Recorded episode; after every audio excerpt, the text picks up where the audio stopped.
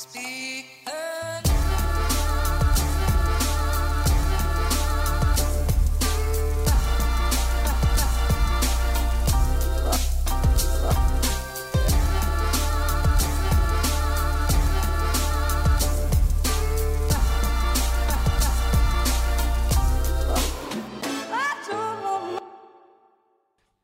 dag og velkommen hit til Klagemuren. Det er tirsdag 6. september, og klokka mi er like over tre.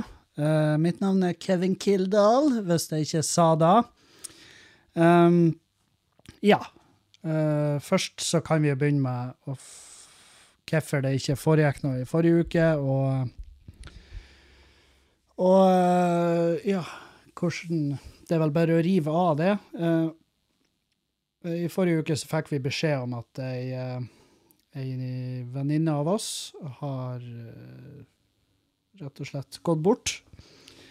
Og eh, det tok vi Ja, det tok vi eh, ganske ganske røft.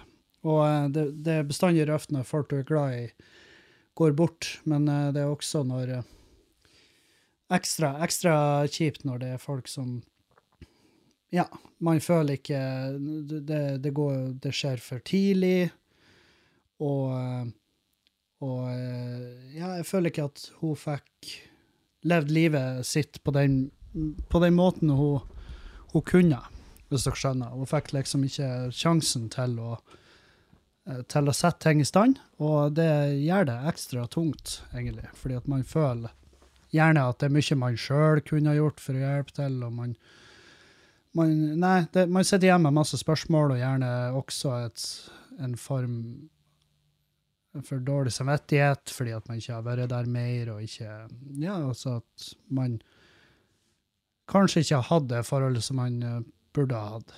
Og, um, og det er ikke det, Jeg vet det, det kan høres ut som at man uh, at jeg legger meg i buhu-båsen og skal være offeret i det her, men det, det, er det absolutt ikke.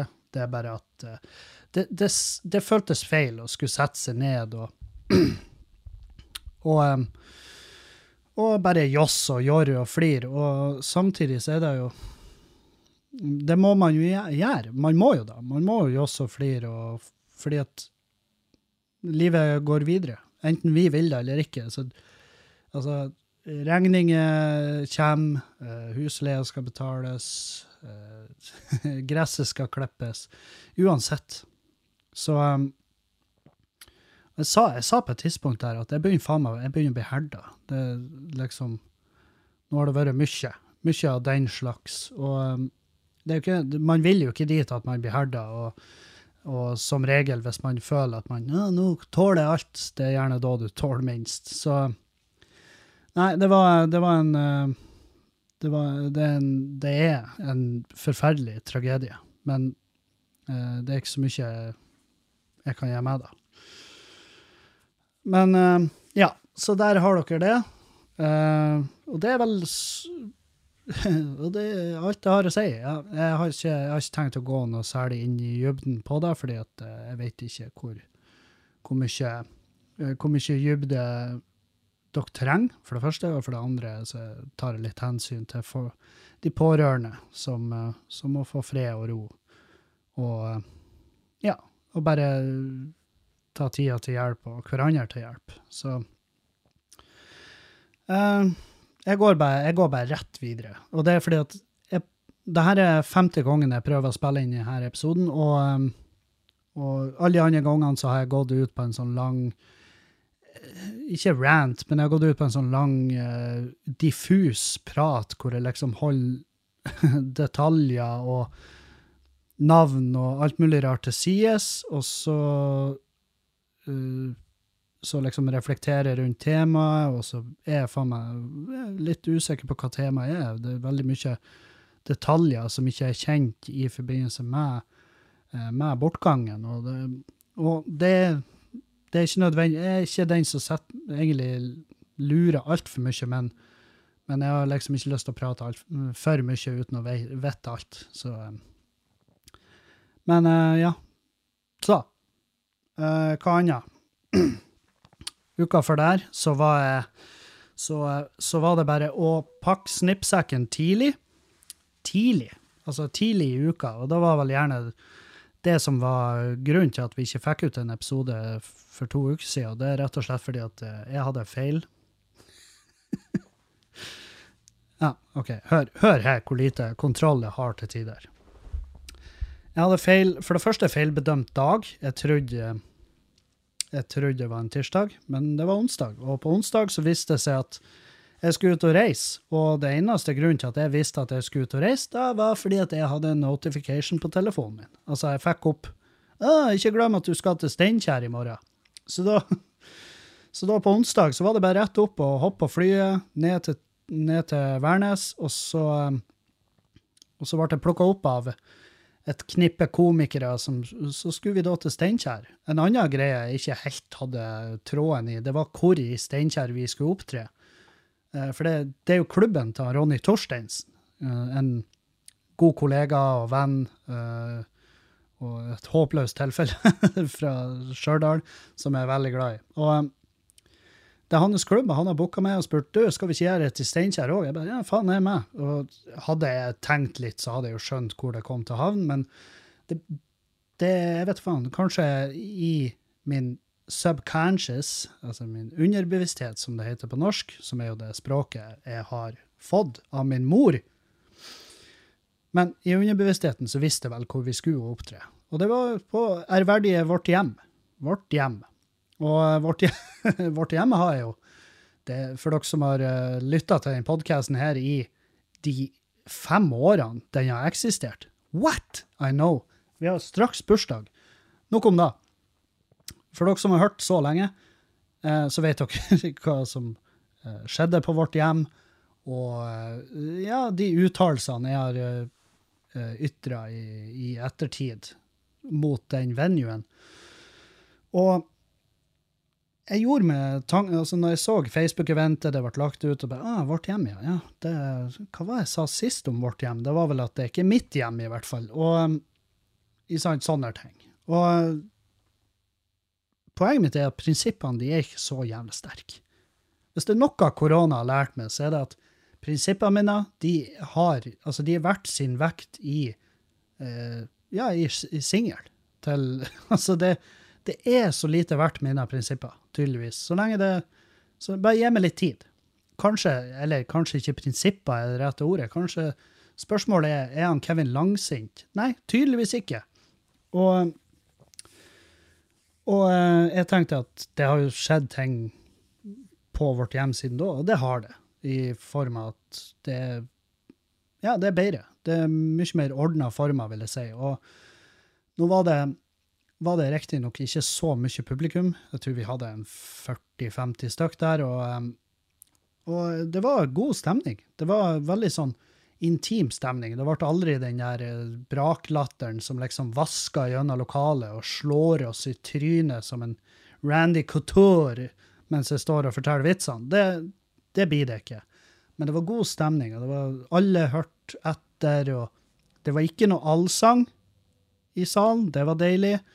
Eh, det var ikke en fyr som begynte å hive stoler rundt i lokalet, det var òg deilig. Og det var heller ikke en fyr som kom opp på scenen og holdt med som en, som en kylling. Du vet i tegneserier, når de tar kyllingen bare rundt halsen og holder de og bare øh, Sånn ble det holdt. Av en sånn genfeilbonde fra nærområdet. Hvor han tok mikrofonen, og så sa han et eller annet sånn her Jeg mener det var noe rasistisk piss. Jeg husker ikke. Det, mye av det er fortrengt. Og eh, det, de tilstandene er ikke der lenger. I hvert fall ikke når jeg var der nå. Så det var deilig. Det var et godt, gjen, eh, godt gjensyn, og det blir sikkert flere. Down the road. Og så, etter Steinkjer, så hoppa vi, vi i billa, og så kjørte vi, til, så kjørte vi til Trondheim. Men på tur til Trondheim så ble vi stoppa fordi han Ronny kjører som et forpult svin. Ja, faen meg. Jeg, altså, jeg sånn, hva er, hva, er, hva er det du skal bevise? Hvem skal du bevise noe for når du tar denne bilen her og skal på liv og død kjøre forbi en Tesla? Og hvis du har fossilbil, en gammel 2019-modell. Artig at 2019 er gammelt, men dere skjønner. Altså, hvis du har en nå en slags dieselbil og skal frese forbi en Tesla, så burde du altså du burde forstå at i 99,9% av tilfellene så går ikke det her. Du, du, du vil ikke klare det, uh, fordi at den bilen er ikke rask nok. Mens Tesla er vel Og jeg er ikke noe sånn overhengende Tesla-fan. Det her er ikke jeg som driver på suger den digitale eh, NFT-kuken til Elon Musk, men det er bare en, et objektivt faktum at med mindre du har en helt sinnssvak, ikke lovlig på veien ombygd fossilbil, så vil ikke du kunne overta en Tesla ut av ei rundkjøring og føre de to filene du kjører ut i, blir til ei fil. Du har ikke kjangs. Men uh, Ronny, Ronny, all in. Uh, og Teslaen var snill, så han slapp gassen og slapp oss inn. For han hadde, da, tydelig, han hadde ikke like travelt som oss. Og jeg skjønner hvorfor han Ronny hadde travelt, for han måtte kjøre fra Steinkjer til Trondheim, slippe oss av der i Airbnb-en vår, og så kjøre hjem igjen til Stjørdal i i den jordhula han bor i der. Og Uh, nei, så politiet hadde vel fått et øye for oss i løpet av den ferden fra Steinkjer til Trondheim, noe som bare egentlig i mine øyne er et bevis på at de gjør jobben sin. Og så, så får vi altså lysene i speilet, og Ronny, som en tidligere uh, en tidligere horkriminell mann, og det her kan jeg si fordi han laga så vidt meg bekjent to show som handler om det, men han reagerer jo selvfølgelig med angst når han ser de blålysene. For det er jo noe PTSD i bildet, og han har vel sikkert blitt dratt til sides eh, ofte, kan jeg tenke meg til. I forskjellige sammenhenger. Kanskje til og med når han har vært på jobb, i sin tidligere jobb som eh, pengeinnkrever og, og, den slags. Så i det sekundet blålysene kommer på, så er han sånn Gjem skitten! Og jeg var sånn her Det er ikke noe skitt i bilen, hva du snakker om? De, de drar deg til sides fordi at du kjører som en tosk. Og så stopper vi, og politimannen kommer opp i vinduet og ja, gikk det litt fort i svingene? Og Ronny bare Ja, nei, jeg så ikke på, jeg så ikke på spillometeret. Uh, og han, politimannen bare Vi har fulgt etter dere lenge. Noe som vil si du har sett på spillometeret i løpet av den tida, og du vet akkurat hvor fort du kjører. Det, det som var eh, det som var, Ronny spurte jo bare rett ut får jeg bot. da? Han ba, ja, det blir nok bot, ja. Og prikker. Og Ronny faen, jeg har jo prikker! Men det var for mobilbruk, da. Så det er jo ikke Og jeg bare sånn Ronny, hold kjeft! Ikke prat med mannen som er på arbeid. Bare få den bota, sånn at vi kan sakte og rolig og beherska etter fartsgrensen hute oss til Trondheim. Og jeg, jeg, tenkte faktisk et par minutter at han For vi satt jo og flira i bilen av Ronny sine kommentarer, og da ble jeg uh, Da fikk jeg litt noia, fordi at jeg vet hvordan det er når, når du sitter og tøffer det for vennene dine. Og så, får, og så får, du respons fra vennene dine. ikke sant? De er sånn 'Å, det her er artig. Jeg liker måten du prater til den her offentlige tjenestemannen.' Eller 'Å, du er artig. Jeg syns det er spennende hvordan du hudfletter og der servitøren uten noen som helst grunn.' Ikke sant? Og de gangene du er i, det, i den situasjonen der du får da respons fra guttene dine i baksetet, så kan du få det vi kaller Du får fot. Og da, det vil si at du, får, du blir varm i trøya og bare ho-ho! Ja ja, nå er vi der vi skal være. Så jeg, jeg, jeg ble kjempenoia for at han Ronny skulle plutselig bare bryte ut igjen. 'Kan vi ikke bryte hånden bak før den bota?' Du, du, vet jo aldri hvor haren hopper. Så, så jeg var sånn Jeg bare 'Ronny, hold kjeft'. så fikk vi den bota. Den var jo eh, det jeg vil kalle for klekkelig. Eh, ja. Klekkelig. Det var en klekkelig bot. Det, jeg, det, det, er vel det rette ordet for det. Eh, skal vi se, jeg må bare svare han Dag så Sånn. Nå lar han oss være i fred. Nei, så det, han fikk noen bota. Så huta vi oss til Trondheim inn på Airbnb-en. Flott Airbnb. Veldig fin. Svær leilighet på Persaune. Uh, og jeg har jo ikke noe jeg har ikke noe særlig erfaring med Persaune, annet enn at jeg mener jeg brukte å spise på et sånt gatekjøkken der som heter Bugatti eller Nugatti, et eller annet sånt der. Og, um, og det er det jeg kan. Og det er vel også uh, Nei, jeg skulle ikke si det er vel der det NRK-tårnet er, men det er jo på Tyholt. Det er derfor det heter Tyholttårnet. Men det er i nærheten. Vi ser det ifra den leiligheten. Flott leilighet midt i et nabolag. Masse barn og hunder og folk. Um, men vi hang jo ikke noe særlig med de, utenom en hund som tok seg inn i uh, leiligheten. Vi, vi hadde jo strålende, nydelig vær, og så satt vi ute på verandaen, og plutselig så kommer det ei bikkje sprengende i helvetes fart og bare rett inn i leiligheten. Og tar jo ti ganger salto, spiser hundematen til hvem nå enn som har leid ut denne leiligheten. Jeg var faktisk et par minutter så var jeg sånn Er det her den hunden som originalt hører til i leiligheten? Han bare stukket ifra eierne, hvor nå enn de er akkurat nå, og stukket hjem? Men vi fant, jo noen bilder av den hunden. Så vi identifiserte at det her er feil type hund. Det her er en corgi av noe slag, eller noe sånt, og, um, så vi må få han ut. Og det skulle faen meg vise å være en oppgave.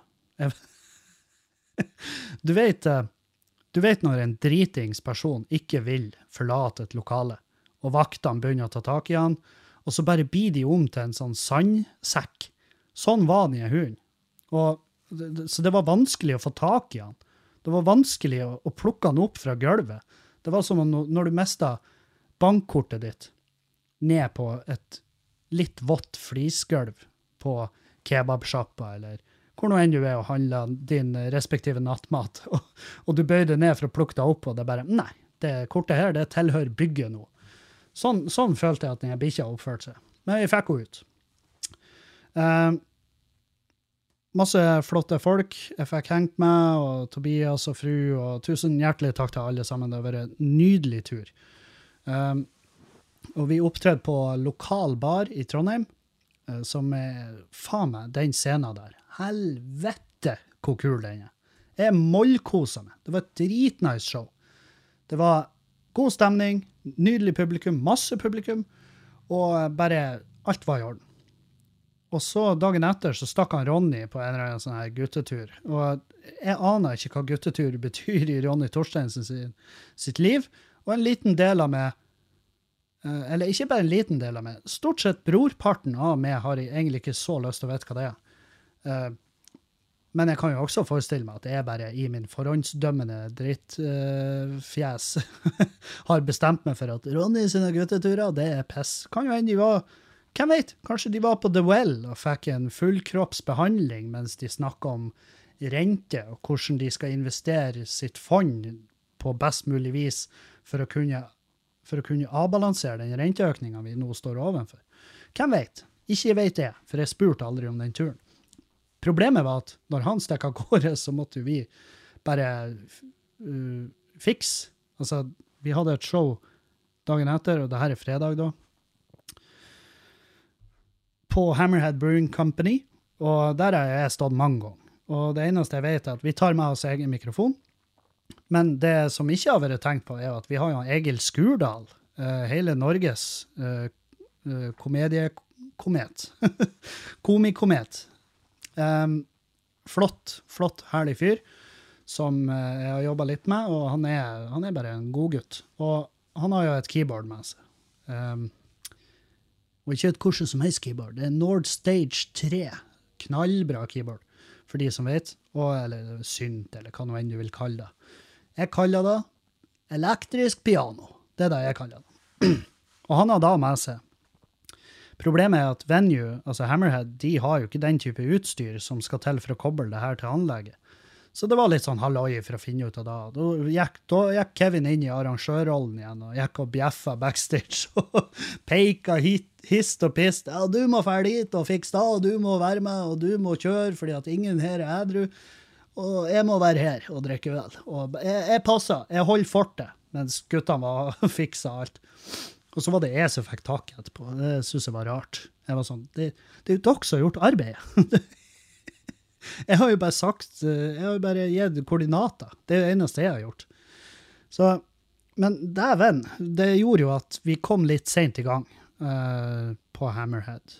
Og jeg vet da faen hva det er de putter inni øla de brygger der ute. Jeg, jeg lurer på om de bare har Jeg bare lurer Her er den ene teorien jeg har.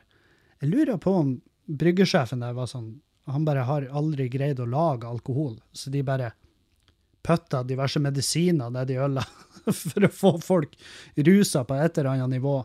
For det var altså noen folk der som jeg, Han ene fyren han måtte bare si til at du, jeg driver ikke et sted der, men du må ut, du må dra hjem. Du må stikke. Fordi at du ødelegger for alle her inne. Og at jeg turte å si det til han, jeg skulle tro jeg sjøl var på cola, men altså, for du må ha en viss sjøltillit eh, for å gå opp til en så enorm jævla kjøttokse. Altså, han var så fette svær. Han hadde liksom tre taxier parkert på ryggen. Han var så, han var så, han var så enorm. Og det, han var ikke sånn feit enorm, han var trent enorm. Jeg, men jeg var sånn, vet du, jeg er fette lei. Jeg klarer ikke mer. Og jeg tenkte sånn, hvis han slår meg ned, så vil forhåpentligvis 40 mennesker her komme til min unnsetning. Og 40 mennesker er vel da som skal til for å kneble han motherfuckeren. Så jeg tenkte, jeg gir faen. Og jeg gikk bort til han, og jeg sa det bare rett ut. Vet du hva? Og det, grunnen til at jeg gikk bort til han, det hører med i historien, det var at han, han avbrøt. Eller avbrøt ikke, han bare ropa ut mens han Alexander Bastian som står på scenen. Så sier han «Nei, det her var ikke noe artig, vi drar til byen. Og jeg var sånn This is my cue. Spreng bort til bordet, og så sier du, kompis, jeg hørte du sa noe nettopp, at det her ikke er noe artig, og så foreslår du å stikke til byen. Og da sier jeg at det burde du gjøre. Du burde fuck off, du burde stikke herifra. Og så ble han svær i øynene. bare? Øynene hans sa at du våga! Puny human! Do not talk to me in this way! Ikke sant? Den type fyr. Så før han fikk sagt noe, og jeg, jeg tippa at oppi det der eh, knalltrange hodet hans så foregikk det enorme dataoppgaver. Men før han fikk regna ut hvordan han skulle si «Eh, 'pass kjeften så fikk jeg inn at For du ødelegger. Ikke bare for deg sjøl, men du ødelegger for alle i publikum her, og du ødelegger for komikere. Vi har komikere her som har reist ifra Bodø, det er med. Og vi har komikere som har reist ifra Oslo og rundt omkring i landet for å stå her i kveld og underholde. Tror du det er artig? Tror du det er artig for et menneske å stå opp klokka sju om morgenen og hurpe seg ut på Gardermoen på et altfor dyrt flytog, for så å sette seg på en bitte liten flymaskin, en sånn videre seilfly, og bare bli slingshotta fra Gardermoen til Værnes, og så kjøre trangt i en fuckings bil ut, stue seg inn i ei privateid leilighet der vi må gå oppå familiebilder for å komme oss til kjøkkenet. Tror du det er artig da å komme endelig til venue og stille seg på scenen og skal underholde, og så får du sånn der jævla piss slengt i fjeset? Tror du det er artig? Så det, og så ble det stille, og sa her er grunnen. Her er grunnen til at du ikke har så mange å henge med i helgen. Fordi du ikke er noe kul fyr. Og så gikk jeg. Det var sånn. Jeg har sagt nok. Jeg, jeg tippa han forsto i hvert fall kom det ut. Og eh, det gjorde han, for han forsvant. Og det, og det var akkurat det jeg var ute etter. Så og, folk som fikk det her med seg, var sånn Å, herregud, at du tør. At, at jeg tør. Det jeg ikke tør, er at han motherfucker sitter der ennå etter pausen og holder helvete. Så det gikk, vi greide å ro det i havn. Og egentlig, i og med at han Egil Skurdal, som skulle være konferansier, han var jo kraftig forsinka pga. mangel på DI-boks, heter det. DI-boks. Og pga. mangelen på DI-boks så var han seint i gang, og da måtte jeg ta konferansierrollen. Så da gikk jeg på scenen først og introduserte og bla, bla, og så gikk jeg på scenen en gang til, og så introduserte og bla, bla, og så var det pause, og så og så, ja, så satt vi på Egil Skurdal etter pause som konferansier, og egentlig så skulle jo jeg på scenen sist. Og jeg gikk på scenen, og jeg begynte. og på det her punktet så er vi liksom, det er seint på, på klubbkvelden, liksom. Og jeg går på scenen, og jeg ser ut i publikum, og det, liksom det er, det faen meg et, et skue. Og det sa, jeg tror jeg sa det på scenen òg. Herregud, for et karaktergalleri det her er. Og jeg skulle begynne på en bit, men det ble altså så mye støy og halloi i salen at jeg var sånn Bare ut med hendene og så si Folkens, nå drikker vi. det er derfor, åpenbart derfor vi er her. Så bare gikk jeg av og takka for oss. Og um, det var jo noen som uh, Noen faste lyttere, patrions, som, som var der den kvelden og var litt skuffa over det, og det beklager jeg, men jeg lover dere. Og det sa jeg til dere der òg. Jeg sa da at trust me, jeg gjorde det rette. For hvis jeg hadde stått der videre, og det hadde blitt at det hadde blitt noe sånn hurra med rundstemning i salen, og når jeg prøver å gjøre noe materiale, jeg har lyst til å se om det, om det funker eller ikke, så ja, da blir jeg bare sur. Jeg blir bare jeg er furt og gretten. Så jeg var sånn, jeg har ikke lyst til å ødelegge humøret mitt med å, og jeg har ikke lyst til å holde det publikummet som gissel. Så jeg bare takka for meg, og så gikk jeg av. Og det var det fikk jeg, eh, Alle komikerne var sånn. Herregud, Kevin. Dritbra avgjørelse. og det var sånn jeg skjønte at eh, da gjorde jeg et fagmessig bra valg der.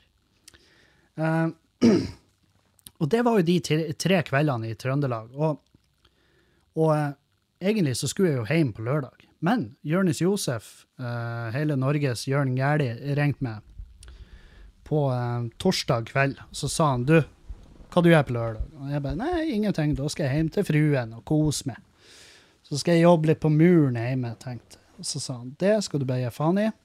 Så sa han sorry at det er mye lyder, jeg, bare legger føttene opp på bordet. For dere skjønner at nå rigger jeg meg til for å fortelle. Nei, så sier han du må være med, og gjerne ta med deg en komiker til, men dere må i hvert fall være med til Balestrand. Jeg har hørt Badestrand med D for Daniel, men det er Balestrand med L for Lars, om du vil. Og jeg har aldri hørt om det, jeg aner ikke hvor det er. Eh, men, og jeg spurte Jørnes, hvor er det? Og han var sånn, hei, det vet kun Google. Og så jeg googla det og fant ut at Balestrand det er en eh, det er en eh, skjønn liten, eh, liten flekk på kartet utenfor Sogndal. Så vi må ta fly til Sogndal, og det var Det var Det var jo liksom arbeidet med det hele. Og jeg sa til han at du, det, jeg tror ikke det går noe fly. Men han greide nå å, å finne fram noe greier. Og det innebærte at vi måtte tidlig i seng på fredag, fordi at vi måtte opp klokka 04.30 på lørdag. Og på grunn av det showet inne på Hammerhead, og det tok så og så lang tid, og vi var der og tok et par øl, og så Ja, så til syvende og sist var vi veldig seint i seng. Vi var seint, seint, seint i seng. Og jeg fikk vel søvn to timer før jeg måtte opp, og det var grufullt. Det er faktisk noe av det verste jeg har vært med på. Og jeg merka at eh, det blir verre med tida. Sant? Det blir sånn at det, det, det er ikke lettere å stå opp tidlig bare fordi du er eldre. Og det er sikkert mange som river seg i håret. Ja, bestefar han er oppe klokka fem om natta hver dag, og, og det og Ja, men det er også fordi at bestefar din går i seng klokka sju om kvelden. Så alle kan jo snu døgnet uansett alder. Det er jo bare Jeg har ikke et snudd døgn som, som tillater det å stå opp 04.30. Det er grusomt. Helt jævlig. Jeg har ingenting å gjøre oppe da. Ikke en dritt annet enn å rekke det flyet. Og det gjorde vi. Jeg og Bastiansen vi rakk det faen meg med, med helt OK margin, vil jeg si. Og så flyr vi til Oslo. Der møter vi han Jørnis på Gardermoen, og så flyr vi til Sogndal. Og der blir vi plukka opp av, uh, av en uh, artistvert som jobber da for managementet til han som har starta, eller en av gründerne på denne festivalen. Og det viser Nå skal jeg fortelle dere hva det her er. Det er Balestrand badeklubb. Um, og det er Kjartan Lauritzen med broren sin og søstera. Um, og de har De har vel kjøpt et hotell og drifter da, og samtidig så har de et svært hus som er kobla til hotellet, som er da eneboligen til Jeg vet ikke hvor mange av de, men Og nedfor hotellet i en sånn, på ei sånn gresslette har de da denne festivalen. Og der skulle Kjartan spille, Cato, eh, Super-Maria og ja, det var flere. Jeg bare husker ikke alle.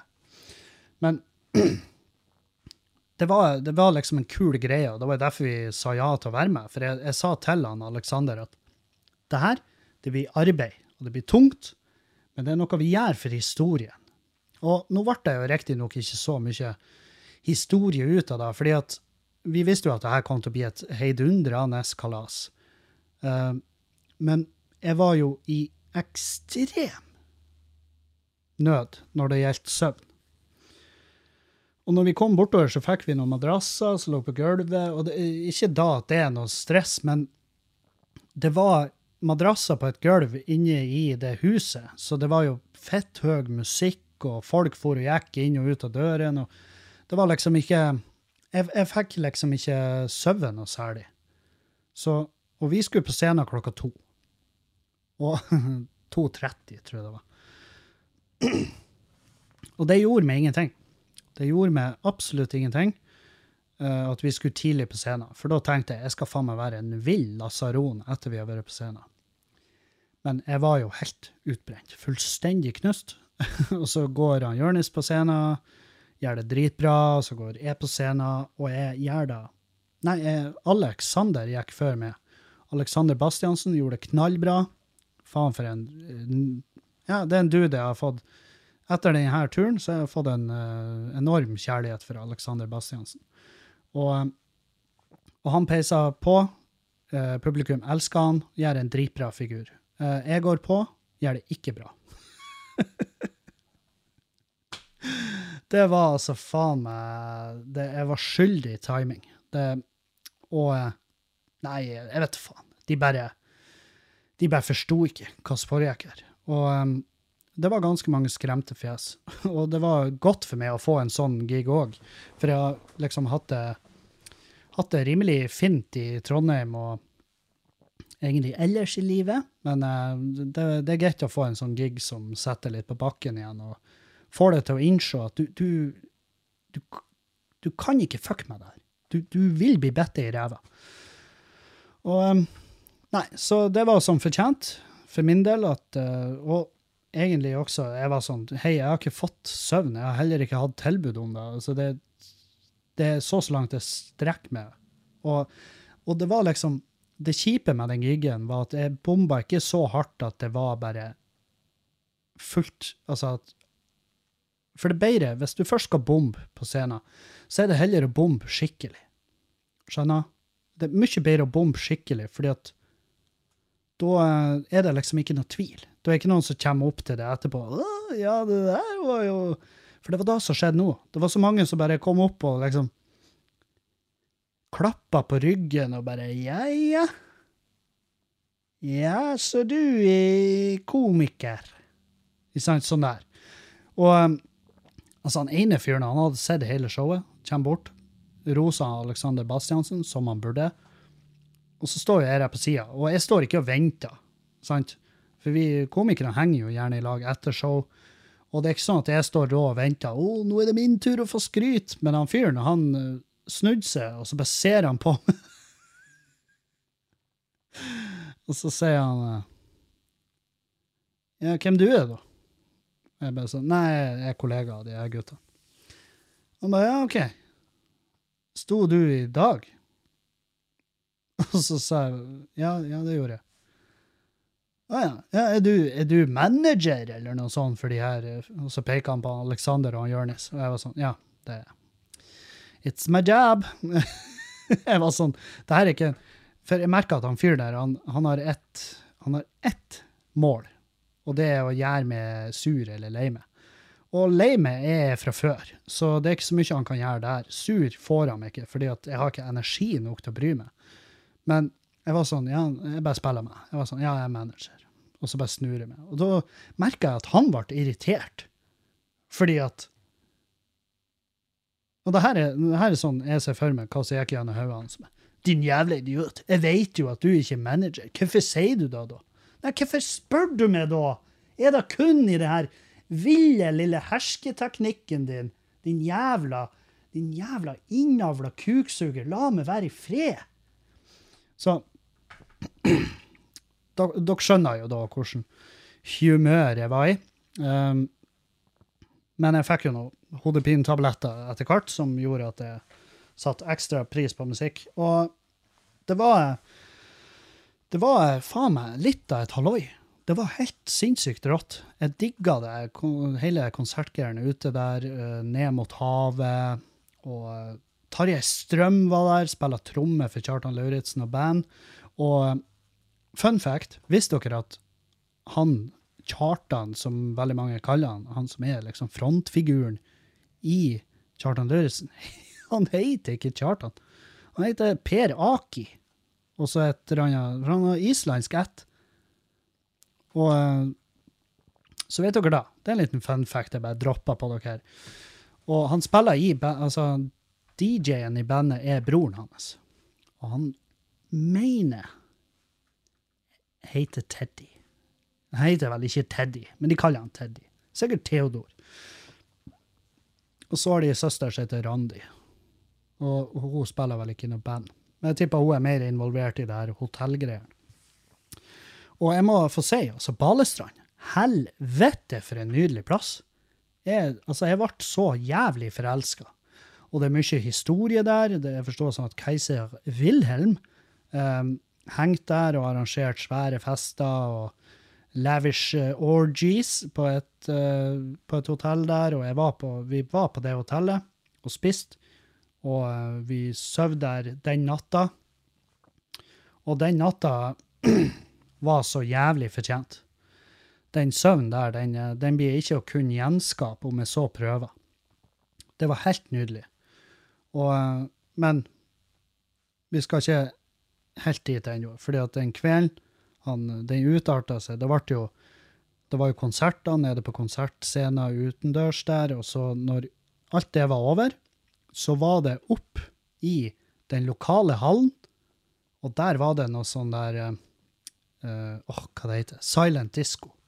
Da har de altså fått frakta ut 1000 headsets og arrangert eh, silent disco der med tre DJ-er, og, og det var Det var Ja, det var ikke for meg. Uh, det, det gjorde Jeg vet faen, jeg lurer på om det er den angstgreia Eller jeg lurer ikke på, det er utvilsomt angsten. For jeg, i det sekundet jeg kom inn der, så ble det, begynte jeg å kaldsvette følte at det her, det her er ikke for meg. Nei, nei, ikke, ikke dult borti meg. Nei, jeg vil ikke danse. ikke sant? Jeg hører ikke hjemme der. Og heldigvis så hadde Alexander Bastiansen det helt likens. Vi så på hverandre, og så var han sånn der Jeg vil ikke være her lenger. Og jeg bare Nei, ikke jeg heller. La oss stikke. Så gikk vi derifra. Og så bare gikk vi oss litt vill i Balestrand, og det er jo ikke akkurat det er ikke fette enormt, så det, vi skjønte jo begge at det her er ikke krise at vi har gått feil. Vi fikk egentlig bare sett mer av plassen.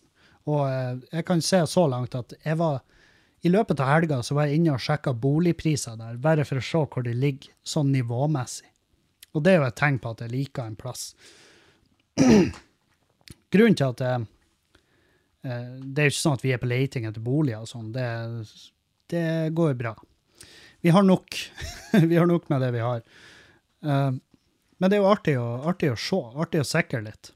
Og eh, i og med at jeg og Bodø har blitt enige om at jeg kanskje ikke hører hjemme her, så, så, eh, så hvem vet hva fremtida bringer.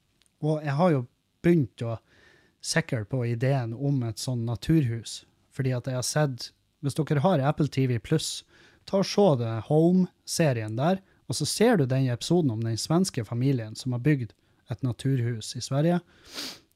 Det er da et hus med et drivhus ut over huset. Og ja, det finnes jo et på Sandjordnøy som Ja, faen, jeg, jeg merker at jeg har vel kanskje snakka om det her. Men ja, noe om eh, Jeg skjønner. Jeg skjønner det er kjipt at jeg gjentar ting, men det er bare ideen. Ideen er så fette rå.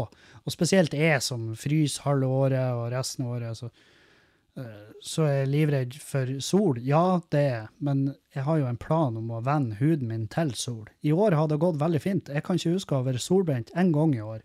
Det skal jo riktignok også skal jo klimaet i Bodø ha sin del av skryten. Fordi at det her har jo faen meg vært en tarvelig sommer et best.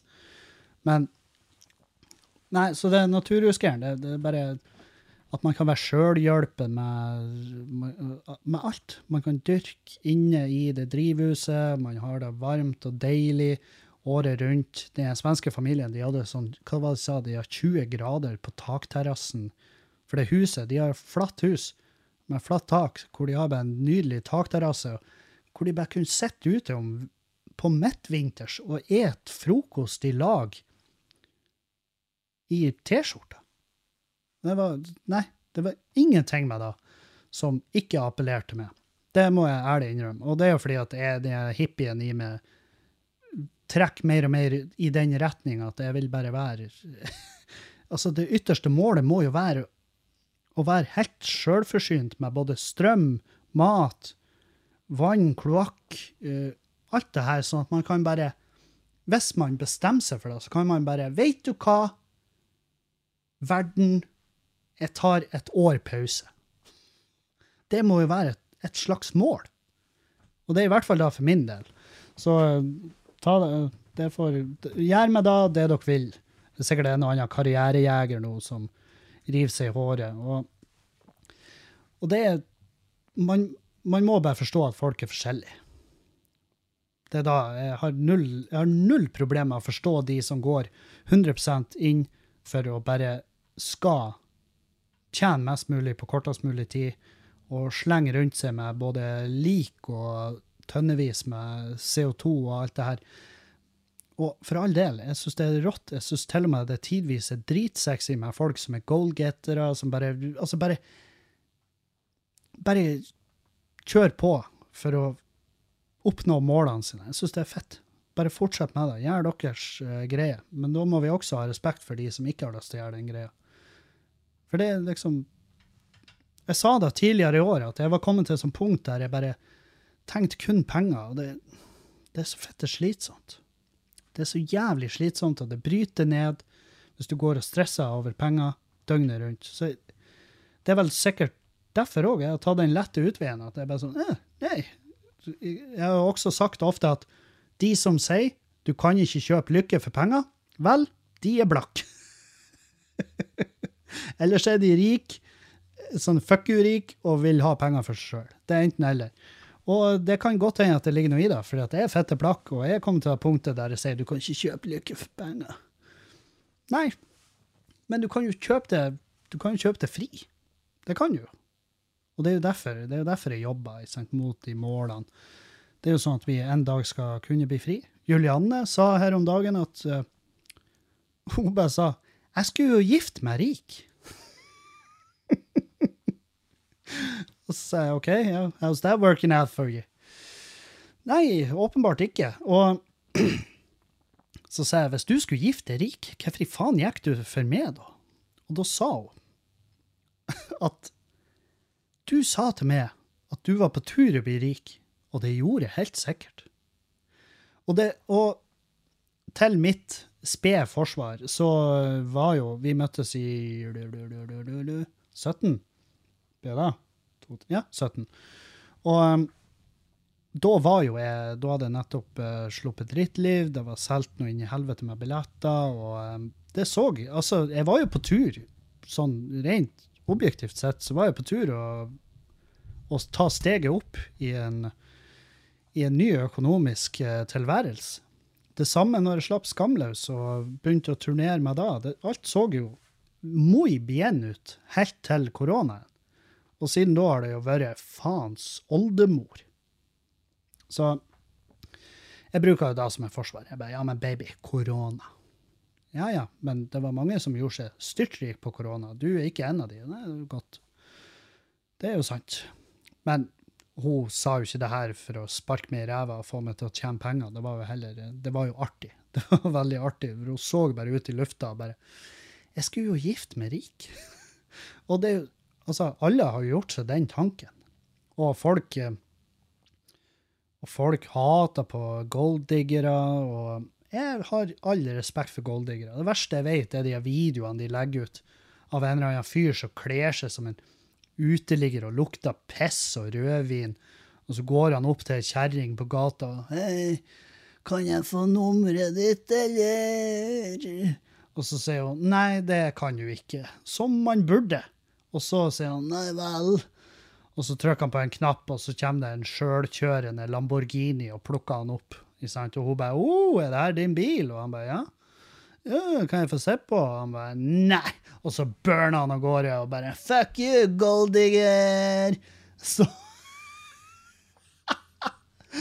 Og det er så jævlig ubrukelig poeng de prøver å få fram. Jeg var sånn Det her er åpenbart staged, sant? Eh, og om det ikke har vært det Poenget mitt står seg like sterkt. Du kan ikke, på ekte, du kan ikke seriøst mene at i ethvert jævla tilfelle så skal mennesker bare uh, Bare gi folk en sjanse. Julianne ga meg en sjanse når hun var i lag med meg. Så ga hun meg en sjanse. Og jeg føler for det meste at jeg har utnytta den sjansen bra. Der er øyeblikk der jeg føler at jeg ikke har det, og der er selvfølgelig øyeblikk der hun føler at jeg ikke har det, og der er øyeblikk der jeg òg er irritert på henne og, og har lyst til å hive henne til sjøs, men det er helt normalt i et forhold. Og sånn burde det vel gjerne være i et forhold òg. Man har opp- og nedturer, vi har eh, virkelig våre utfordringer å jobbe med tidvis, og, men vi jobber med det, og vi kommuniserer. Men altså Poenget i de videoene med han der tilsynelatende bomsen Selvfølgelig skal ikke hun bare ut av det blå gi han en fuckings sjanse. Bare for Og så Selvfølgelig snur hun på femmeren når han kommer rullende i en gullbelagt Lamborghini. Selvfølgelig stiller hun spørsmål. Er det her din bil? Og han bare ja, det er det. Hvordan da? Og jeg skulle ønske at hun bare var fett ærlig. og bare, ja, men Hvorfor kler du det Hvorfor kler du det som om du får levert posten din i ei pappeske? Hvorfor, du, hvorfor ser du ut sånn som du gjør hvis du kjører rundt i det der? Du har en bil til 20 millioner, og du har en outfit til 50 øre, og du er smurt inn med kattskit. Hva faen er poenget her? Og det er jo sikkert da hun lurer på. Derfor hun spurte om hun kunne få sett på, for hun hadde lyst til å spørre mer om hva faen er som foregår her. Men han er jo travelt opptatt med å bevise et poeng som egentlig ikke stemmer. Altså, det bare holder ikke vann. Jeg har nada problem med å forstå at folk velger å gå for en person som kan tilby de stabilitet. Absolutt. Jeg fikk en enorm stabilitet trødd inn i livet mitt når jeg møtte Juliane. For Juliane er hun er kjempe Altså, hun er strukturert og har kontroll Hun er realistisk, og hun er ikke Hun er ikke bushy, sant? Hun er ikke Hun har, nad, hun har null problemer med å handle billigartikler Hun, Altså bare det her overdrevne pengebruken, det, det kommer ikke naturlig for henne. Sant? Og hun har bare klart seg med det hun har, og det hadde hun kommet til å gjort resten av sitt liv hvis hun ikke snubla over meg. Og jeg har jo selvfølgelig tenkt å gi henne den stabiliteten som jeg følte at hun ga, ga meg når vi møttes. Og det er jo det som er grunnen til at vi flytta til Oslo. Det er fordi at jeg ser at her i Bodø, det er ikke her jeg blir å finne den. Og eh, og da er det, da er det greit å bare stikke fingeren i jorda. Ja, vi må fære. Vi må prøve noe nytt. Og det er jo ingenting som er for evig. Det er jo derfor vi har lyst til å leie ut huset. Uh, by the way, hvis det er noen i Bodø-området som trenger et hus med tre eller fire soverom, gi lyd, så har jeg et hus til leie her. Nok om det. Uh, noe jeg oppdaga på denne turen nedover, det var at faen, den nye trenden, det er langt, langt nydelig hår.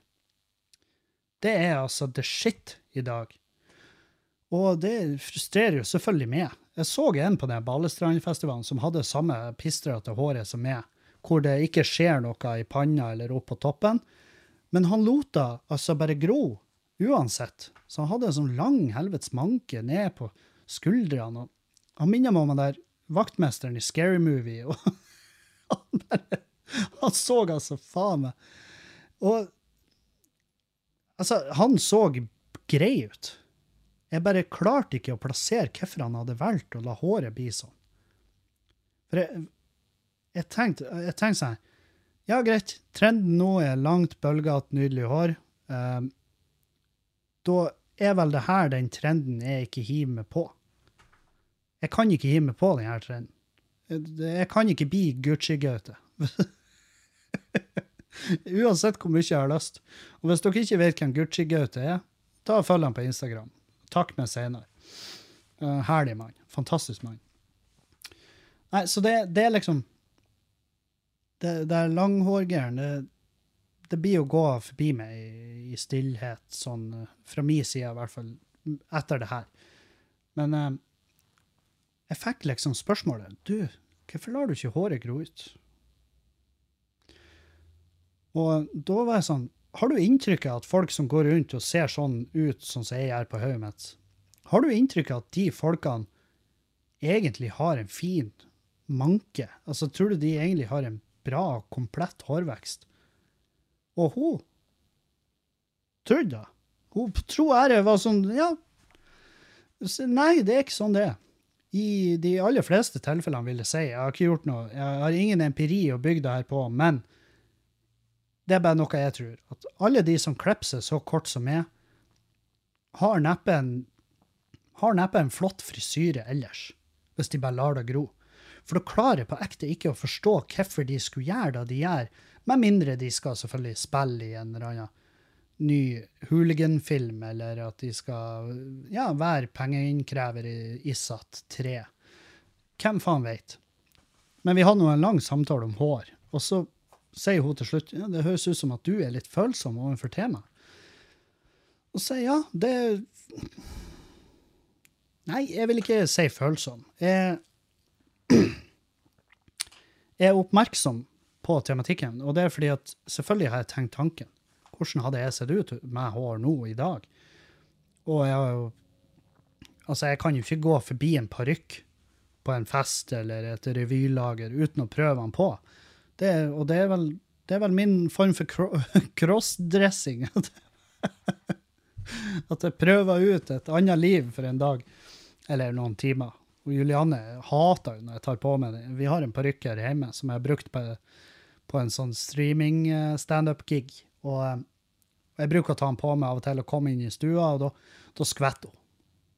Hver gang jeg gjør det. For da tror hun det er en fyr som har tatt seg inn i huset uten å, uten å ringe på. Men jeg, jeg sa jo jeg, jeg tilbød meg jo en gang å ha sex med henne med den på, og da takka hun vel kjempehøflig nei. det er altså så trivelig, det, men det, det trenger du ikke. Det blir et nei. Uh, og det var fordi den freaka hun ut. Og hun sa til meg, og hun har sagt til meg, og jeg tror på når hun sier det òg, og det er at uh, hun, hun, er mer en skjeggdame. Og det vil jeg jo Grunnen til at jeg tror på det, er jo fordi at hun endte opp med meg. Hun sa at skjegg er pluss, og god humor er pluss. Og da var det sånn, ja ja, men da, da blir det oss, da. Um, men der der håret streiker. Det er ikke bare håret som streiker, det er også lærerne. For en overgang. Uh, og er Team Streik som, som regel, som alltid, så er jeg Team Streik. Fordi at jeg elsker når folk sier fra at det her gidder jeg ikke mer. Nå må dere enten gjøre arbeidsdagen min bedre, eller så stikker jeg. Og lærerne er i streik. Jeg syns de fortjener hva enn det de ber om, og støtter de 100 ut. Unntatt én lærer. Um, og det var altså han læreren på barneskolen min som som eh, holdt håndduken etter, etter en gymtime, så bare slapp han håndduken ned, og så hang han på den erigerte penisen hans. Og så Og er stor i øynene. Jeg klarte ikke å forstå hvilken type, hvilken type magi det her var. Og jeg har jo skjønt i ettertid at det her, det var noe svart magi. Um, ikke han Nei, ikke det dere tenkte. Men eh, poenget var at det, det er ikke greit. Og han Jeg blir aldri glemt det trynet, for han var sånn Ja, se her. Det her. Sånn her kan du gjøre en dag, når du blir stor. Og så var jeg sånn Wow! Herregud, hvor jeg gleder meg! og eh, han løy jo. Altså, det er jo ikke mange hånddukene jeg kan bare slippe rett ned på knaggen, og så er de der. Men eh, jeg, jeg unner ikke han den lønnsøkninga. Når jeg tenker over det, så tviler på at han ennå jobber.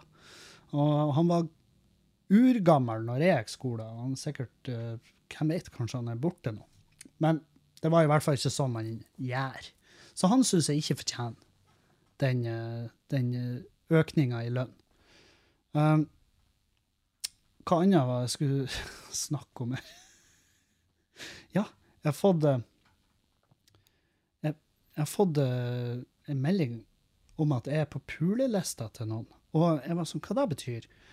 Og da innså jeg at etter å ha prata med hun om da, hva det er for noe, eh, så viste det seg at pulelista, det er jo der han eh, Det mange par har, som er sånn frikort, der um, begge partene i forholdet sier hvem nå en slags eh, kjendis eller, eh, eller eh, stor personlighet, eller hva nå enn i faen som appellerer til de, som de har lov til, hvis de får noen gang muligheten, så får de lov å pule den personen. Uten konsekvens for forholdet. Og da var jeg sånn Wow! Herregud, det er jo så Altså, jeg var, sjarmert.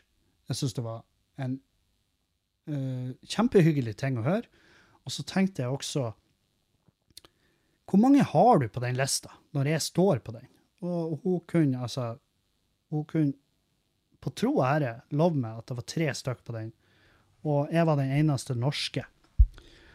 Og da tenkte jeg at det er jo veldig smart, og, for på min sånn der liste, når den var noe aktuell, så hadde jeg husker jeg hadde Miley Cyrus, jeg hadde Megan Fox. Ja, Megan Fox eh, fra eh, Megan Fox fra liksom Transformers. Megan Fox. Første Transformers. Der Den type Megan Fox. Ikke nødvendigvis dagens. Jeg vet ikke hvorfor. Det er sikkert pga. alle de tingene jeg har lest om henne, hvor jeg var sånn «Ugh, Virker ikke som en så kul person. Men Miley Cyrus står jeg for, og det tror jeg Julianne har vel akkurat det samme der. Hun, eh, hun har en uh, enorm kjærlighet for Miley Cyrus. Og det er jo en sånn typisk vanlig uh, greie å ha på lista. Miley Cyrus, Brad Pitt. uh, jeg har også Tom Hardy. Altså Hvis han satte øynene i meg, så hadde jeg bøyd meg over vasken. Så jeg bare så jeg bare sagt du, hei, du trenger ikke å spytte en gang. Det er bare Kos deg. Um, og det er jo fordi at det vil jo aldri skje. Det er jo derfor de her listene er artige.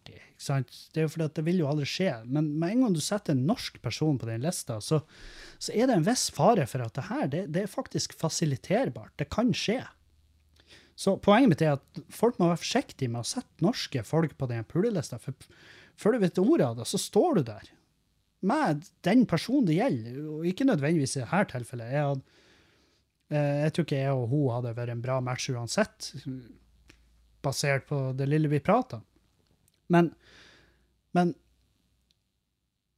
hvis du egentlig ikke vil at det her skal skje, noe som er i brorparten av tilfellene tilfelle, at du vil ikke at motparten din skal ha seg med noen andre, fordi at det, de aller fleste er bare 100% monogam, så må du være jævla forsiktig med å tillate at de setter norske folk på den her. Fordi at norske kjendiser Og jeg vil ikke si at jeg er en kjendis. Jeg vil si at jeg er en eh,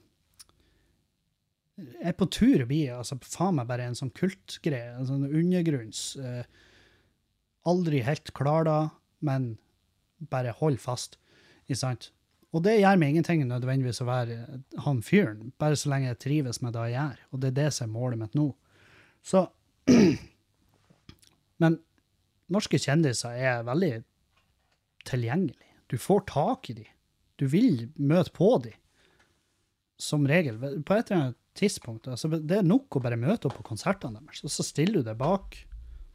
Eller at du bare tar bibliotekkortet ditt og setter deg igjen en sånn kortholder, så kan du gå gjennom alle dører du bare vil der borte, med mindre de har sånn RFID-skanning. Da må du hacke, og det er litt mer arbeid. Og det føles som litt stalky type arbeid å legge nedi hvis du bare skal pule noen. Men de fins. Det er bare å gå på fine restauranter i Oslo. Det er bare å det er bare å fære hvor enn det er, et grotterave, så vil du finne en eller annen kjent person. Så vær forsiktig. Hvis målet er at det ikke skal skje, ikke la din motpart sette en norsk kjendis på den her, uh, pulelista, fordi at de norske kjendiser er virkelig bare en DM unna. Spesielt hvis det er mannfolk. Gud bedre, for noe svin. Så um, ja. Herregud, jeg var i går og handla noe Jeg skulle handle noe material, og så står jeg utafor i den impregnert-samlinga til byggmaker i Bodø, og så står nå bare glana der. Og langs på sida av byggmaker så ligger det ei flystripe, og imellom byggmaker og den flystripa er det en lang, lang vei. Og det er høye gjerder på begge sider. Og mens jeg står og plukker material, plukker på materiale, så, så hører jeg et helvetes brøl. Motorbrøl. Og da kommer det en Pontiac. En god, gammeldags Pontiac. Eh, fresende. 600 hestekrefter. 600! Hvordan vet du det, Kevin? Hvordan, du kan jo ingenting om bil. Vel, da fortært etter at eieren av bilen mista fullstendig kontrollen og mola inn i en løktestolpe og halvveis inn i gjerdet inn mot militærflystripa. Og røyken sto, og jeg så bilen var fettefull av røyk inni, og jeg bare peika på han der ene ansatte der på byggmaker bare Bare ring! Ring med en gang! og så sprenger jeg bortover. Og kommer jo til han der fyren. Og han var jo selvfølgelig helt eh, i ørska. Han var i tåka.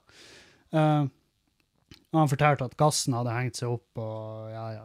Og jeg var sånn Jeg vet, jeg vet faen. Det kan sikkert hende at gassen henger seg opp. Jeg har aldri opplevd det sjøl, men det, det, går sikkert an, da.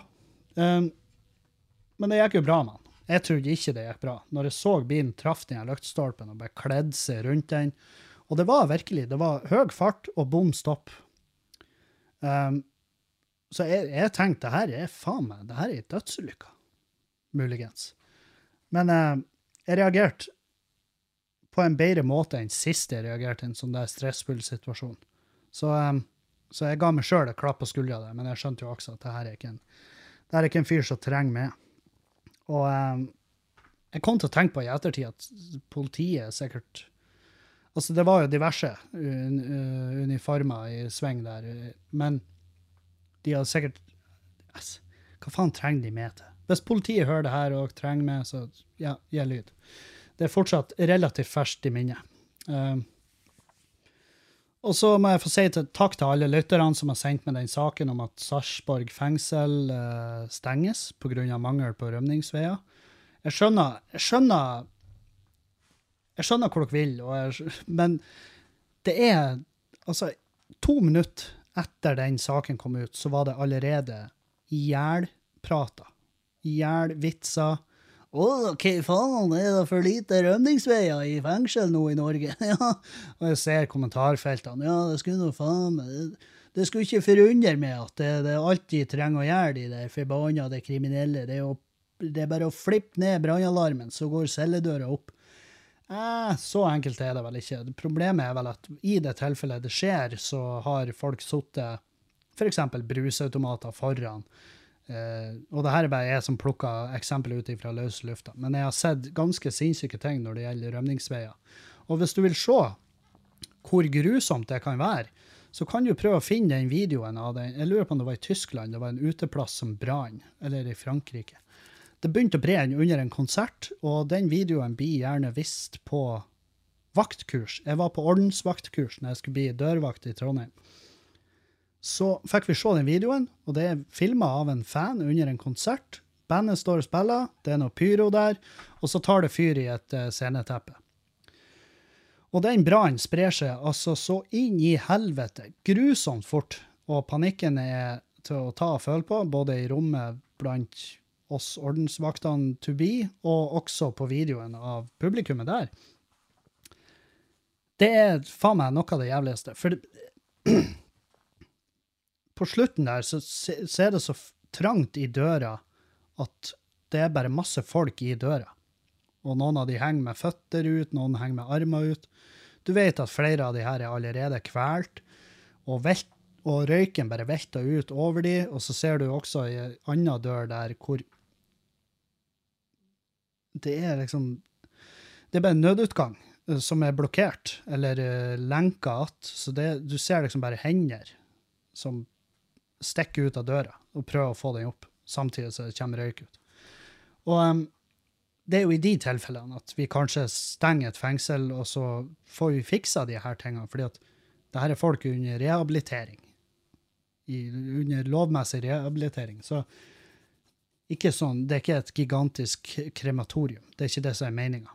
Og jeg skjønner, nå, nå demonterer du jo humoren, Kevin. Ja, men poenget mitt er bare uansett at den vitsen blir for billig. Jeg skjønner at det er artig at det mangler rømningsveier i fengsel. Jeg skjønner at det automatisk er en, ferdig, det er en ferdigskrevet vits. Du trenger ikke å si noe mer. Og det er derfor det, det, Ja, jeg gjør ikke så mye med det. Jeg gjør ikke så mye med det temaet, merker jeg.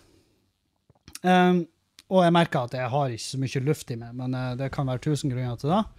Uh, men det var hyggelig. Hyggelig med et lite gjenhør, og jeg er veldig fornøyd med episoden. egentlig. Jeg syns det var artig. Det var noen artige greier der. Um, å, ja! Og nå, til slutt, så skal vi kjøre antireklame. Uh, vær så god.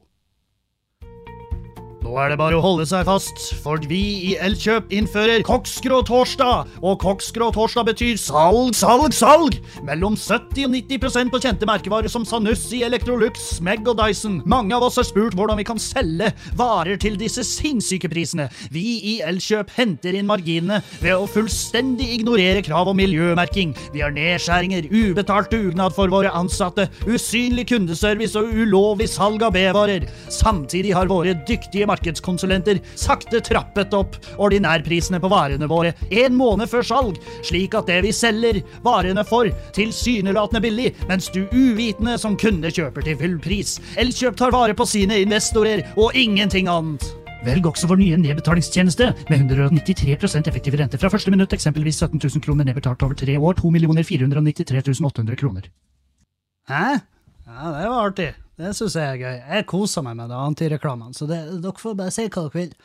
Uh, ja, da eh, begynner vi å nærme oss slutten. Jeg skal bare fortelle at nå denne helga, 9. september, så skal jeg på Pride standup i Harstad. Og så 10. september så skal jeg på standup på Rødbrygga i Stokmarknes. Uh, jeg håper at dere tar turen. Dere som bor i nærheten, jeg håper dere kommer. Det blir et nydelig gjeng. Det blir meg, og det blir Jim Swan, Halvard Dyrnes og Ken Thomas Olsen. Eh, løp und kjøp. Så ses vi der. Og så ses vi i baren, og så ses vi overalt ellers. Jeg gleder meg veldig til det.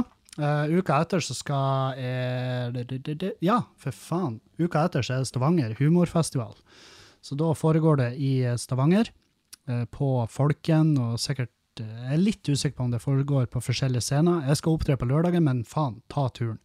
Det foregår den 15., 16. og 17. september. Så der også, akkurat samme, løp og kjøp.